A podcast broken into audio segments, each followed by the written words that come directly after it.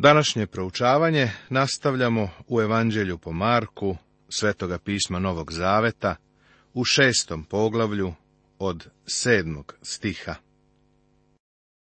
Postoji priča o doktoru Skofildu, čoveku koji je zaslužan za Bibliju, za proučavanje takozvanu Scofield Bibliju. Bio je pozvan da propoveda u jednoj crkvi u državi Severna Karolina, u Sjedinim američkim državama. Bilo je kišovito veče, pa je na sastanak došlo 25 ljudi. Mladi propovednik se nagnuo prema Skofildu, izvinjavao mu se zbog malog broja ljudi, koji su došli da slušaju njegovo propovedanje i poučavanja. A doktor skofild je odgovorio, Mladiću, moj gospod je u svojoj školi imao samo 12 ljudi. A kao i u većini prilika u okupljanima. Ako je on imao samo 12, ko je Scofield da se brine gde je velika masa? I Isus dozva dvanaestoricu, poče ih slati po dvojicu i davaše im vlast nad nečistim duhovima. On sada šalje svoje učenike. Šalje ih sa porukom pokajanja, što je ista poruka koju je on propovedao. Šalje ih po dvojcu. Zanimljivo je da nas ni Matej ni Luka ne izveštavaju o ovom događaju. Dao mi je vlast nad nečistim duhovima, što je najveća vlast koju su mogli da imaju. I zapovedi im da ništa ne uzimaju na put, sem jednog štapa, ni hleba, ni torbe, ni novca u pojasu, nego obuveni u sandale i ne oblačite dve haljine. Zašto ovakva zapovest? Pa trebalo je da lako i bez tereta putuju. Ovo nam ukazuje na hitnost i zadnji čas njihove službe kao i na važnost misije i njihovu potpunu zavisnost od Boga. Kasnije ćemo vidjeti da im je rečeno da ponesu ove stvari, jer su išli na duža putovanja. Matej jasno govori da su ovaj put išli samo izgubljenim ovcama doma Izraelova, pa je trebalo da prihvate gostoprimstvo, koje im je nuđeno. I govoraše im, gde uđete u kuću, ostanite onde, dok ne iziđete odande. A koje mesto vas ne primi i ne posluša vas, izlazeći odande, otresite prašinu sa svojih nogu, za svedočanstvo njima.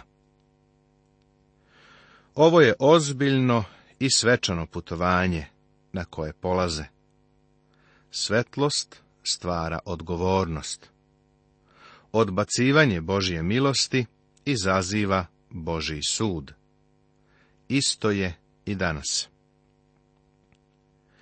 I otišavši propovedahu da se ljudi pokaju, te isteraše mnoge demone, podmazivahu uljem mnoge bolesnike i lečiše ih.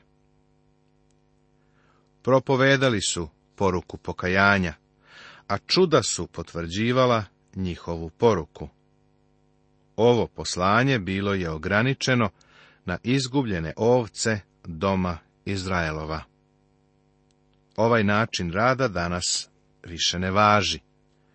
Pokajanje je sada deo evanđeoske poruke, ali je sadržano u zapovesti da se veruje. U Matejevom evanđelju nalazimo duži izveštaj o ovom događaju. Pa ćemo to detaljnije proučavati kada to evanđelje budemo radili. Isusova slava proširila se po celom kraju. Za Isusa je čuo ne samo običan svet, nego i sam Irod. Ovde sada nailazimo na neobičnu reakciju kralja Iroda preizvesnog vremena ubijen je Jovan Krstitelj. Mislim da je ovo zabeleženo da bi objasnilo Irodovu čudnu i sujevernu reakciju. I ču kralj Irod, jer se njegovo ime razglasi, i govoraše da je Jovan Krstitelj ustao iz mrtvih, pa zato deluju sile u njemu. Drugi pak govorahu da je Ilija, a neki govorahu da je prorok, kao jedan od proroka. Vidimo da je Irod bio vrlo sujeveran. Ali i među samim narodom je bilo mnogo nejasnih i pomešanih reakcija na gospoda i u vezi sa tim ko je on. Samo da kažem, takve reakcije postoje i danas. Vidimo kako različiti ljudi imaju različite stavove i objašnjenja njegove ličnosti, prisustva i sile gospoda Isusa. Tako je i tada vladala konfuzija, a Irod je definitivno bio u strahu. A Irod čuvši reče, Jovan, kome sam odsekao glavu, on usta iz mrtvih. Irod se uplašio. Irod naime posla i uhvati Jovana, te ga sveza u tamnici zbog Irodijade, žene svoga brata Filipa, što se oženi njome. Jer Jovan govoraše Irodu, ne smeš ti imati žene brata svoga. Jovanovo ubijstvo desilo se pre ovog događaja u Isusovoj službi. Obrati pažnju na to kako je Jovan odvažno optuživao greh koji se činio na visokim položajima. Optužio je Iroda što je uzeo Irodijadu, bratovljevu ženu. To je nju razbesnelo, pa je skovala zaveru da ubije Jovana. A Irodijada beše kivna na njega i htede ga ubiti, ali nije mogla, jer se Irod bojaše Jovana, znajući ga kao čoveka pravedna i sveta, te ga čuvaše. I saslušavši ga, beše u neprilici, ipak ga je rado slušao. Da li je Irodijada sprečila Iroda da se obrati Bogu? I kada dođe pogodan dan, kada Irod na svoj rođendan priredi čast svojim velikašima, vojvodama i prvacima galilejskim, uđe Irodijadina kći, te zaigra i ugodi Irodu u gostima. A kralj reče devojci, zatraži od mene šta god hoćeš i daću ti. Irodijada je tražila od svoje kćeri da igra pred njim, jer je znala kakav je on razvratan i požudan čovek bio. Njenoj kćeri on je dao blanko ček, pa je ona mogla da traži šta god je htela. I zaklijeo se. Šta god zaišteš od mene daću ti, do polovine svoga kraljevstva. Ona pak, izišavši, reče svojoj majici, šta da zatražim? A ova reče, glavu Jovana Krstitelja. Majka je za ovo bila spremna. Brutalnost ove žene je nepojmljiva. I odmah ušavši, brzo kralju Zaiska govoreći. Hoću da mi odmah daš na tanjiru glavu Jovana Krstitelja. I sneveseli se kralj vrlo, ali zbog zakletve i gostiju Nehtede da je odbije. Ovde se otkriva još jedna Irodova slabost. On se plaši šta će njegovi prijatelji pomisliti i reći. Imao je pogrešno mišljenje o vrednosti zaveta. I odmah posla kralj Đelata i naredi da donese Jovanovu glavu. I otišavši, odseče mu glavu u tamnici i donese njegovu glavu na tanjiru i dade je devojci, a devojka je dade svoje majci. Ovo je hladnokrvno ubijstvo. A učenici njegovi, čuvši, dođoše i uzeše njegovo telo i metnuše ga u grob. Jovanovi učenici uzeli su obezglavljeno Jovanovo telo i pažljivo ga sahranili. Marko se sada ponovo vraća na Isusovu službu. Apostoli donose svoj prvi izveštaj. Zapazi odsustvo detalja. Iskupiše se apostoli oko Isusa, te mu javiše sve što učiniše i poučiše. I pošto je vreme prilično poodmaklo, priđoše mu učenici njegovi i rekoše, mesto je pusto, a već je kasno.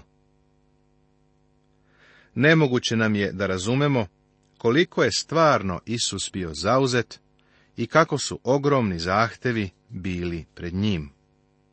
Morao je da se povlači na nenastanjena mesta, da bi se odmorio i omogućio da se njegovi apostoli odmore. I odoše čamcem na pusto mesto nasamo. I videše ih kako odlaze i doznaše mnogi, pa se stekoše onde pešice iz svih gradova i stigoše pre njih. I izišavši, vide mnogi narod, te se sažali na njih, jer behu kao ovce bez pastira. I poče ih učiti mnogo. Bilo je uzaludno truditi se da se pronađe pusto mesto, na kome će biti sami. Mnoštvo ljudi ih je pratilo oko obale Galilejskog mora, tako da su dočekali Isusa i njegove učenike kada su pristali uz obalu. Isusova reakcija bila je reakcija potpune saosećajnosti i naklonosti. Za njega su svi ljudi kao ovce. On sam je jedini dobri pastir. Zato ih je nahranio. Prvo je zadovoljio njihove duhovne potrebe kroz poučenje. Zatim je zadovoljio njihove telesne potrebe kroz to što ih je nahranio. I pošto je vreme prilično poodmaklo, priđoše mu učenici njegovi i rekoše, mesto je pusto, a već je kasno. Otpusti ih, neka idu u okolna sela i zaseoke i kupe sebi šta će jesti. A on im odgovori i reče, dajte im vi da jedu rekoše mu, da odemo i da kupimo hleba za dve stotine dinara, pa da im damo da jedu. On im zapoveda da izvrše nemogući zadatak. Moraju da nauče, kao i mi, da on uvek zapoveda nemoguće. Razlog je očigledan jer on namerava da uradi posao. A on im reče, koliko hlebova imate? Idite, vidite. I doznavši rekoše pet i dve ribe. I naredi im da se svi posade po grupama na zelenoj travi. I posadiše se u grupama po stotinu i po pedeset. I uzevši onih pet hlebova i dve ribe, pogleda na nebo, blagoslovi i izlomi hlebove te ih davaše učenicima da metnu pred njih. I one dve ribe razdeli svima. I jedoše svi i nasitiše se. I podigoše punih dvanaest kotarica komada hleba i riba. A onih što jedoše hlebove beše pet hiljada ljudi. Ovo je čudo. Stvoritelj koji je na početku stvorio ribu, koji je učinio da se žito u polju množi, sada svojom zapovednom rečju stvara hranu za mnoštvo ljudi. Ovo je sigurno za mnoge u tom mnoštvu bilo prvi put kada su se nasitili. I odmah natera svoje učenike da uđu u čamac i da idu napred na drugu stranu prema Vicaidi, dok on otpusti narod. U ovoj rečenici osjeća se hitnost, naročito zbog reči natera. Objašnjenje za ovo pronalazimo u Jovanu u šestom poglavlju. Isus je shvatio da ljudi žele da ga zacare. I oprostivši se od njih, ode na brdo da se pomoli. A kada nasta veče, čamac beše nasred mora, a on sam na zemlji. I videvši ih kako se muče veslajući, jer im beše protivan vetar, oko četvrte noćne straže dođe k njima, idući po moru. I htede da ih mimoiđe. A oni, videvši ga kako ide po moru, pomisliše da je utvara, te povikaše, jer ga svi videše i uplašiše se. No on ih odmah oslovi i reče im, budite hrabri, ja sam, ne bojte se. I uđe k njima u čamac i presta vetar. I divljehu se u sebi veoma, jer ne razumeše čuda sa hlebovima, nego im srce beše okorelo. Zapazi da ovde ne nalazimo zapis o tome kako mu Petar prilazi hodajući po vodi. Nakon svega, Marko je ove informacije dobio na ljudskom nivou od Simona Petra, a Petar je prosto izostavio ovaj deo priče. Zato nam o tom detalju govori Matej. Želeo bih da obratiš pažnju na stih 48 gde piše i videvši ih kako se muče veslajući. Ovi ljudi su te noći bili u čamcu, boreći se sa talasima, čija je voda ulazila u čamac. Mučili su se da veslaju, ali su stvarno mislili da tonu. Ali on je video kako se trude da veslaju. Ovo mi se sviđa. Ne znam gde se ti danas nalaziš, ili u kakvom si stanju. Možda si upravo sada u poteškoći, možda sam sediš u nekom mračnom uglu. Možda se suočavaš sa iskušenjem i problemima preteškim da ih nosiš. Možda si negde na olujnom moru i osjećaš se kao čamčić koji tone. Prijatelju, imam za tebe radosnu vest i videvši kako se muče veslajući.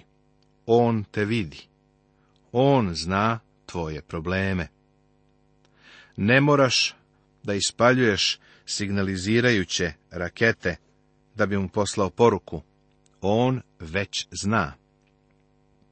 O, kada bi samo tvoj put danas predao njemu, i to potpuno. To mnogi od nas treba da učine u vremenu tame, samo da svoj put predamo njemu. I videvši ih kako se muče, veslajući. Da spomenem da samo Marko ovo beleži. Onda vidimo kako je Isus došao do njih i ušao kod njih u čamac.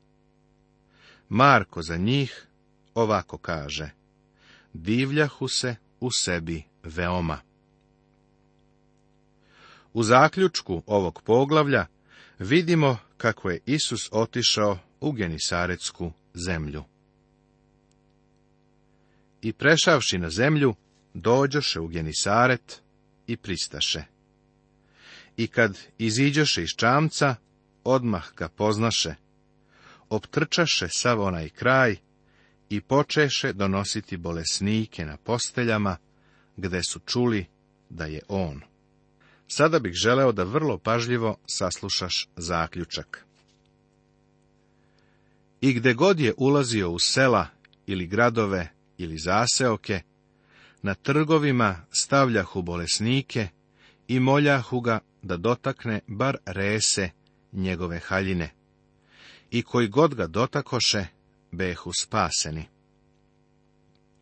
Ti i ja danas ne možemo čak ni da pretpostavimo broj bolesnih, koje je Isus iscelio. Znam da ima jedna denominacija koja je ponudila hiljadu dolara onome ko izađe napred i pokaže da je doživjela isceljenje.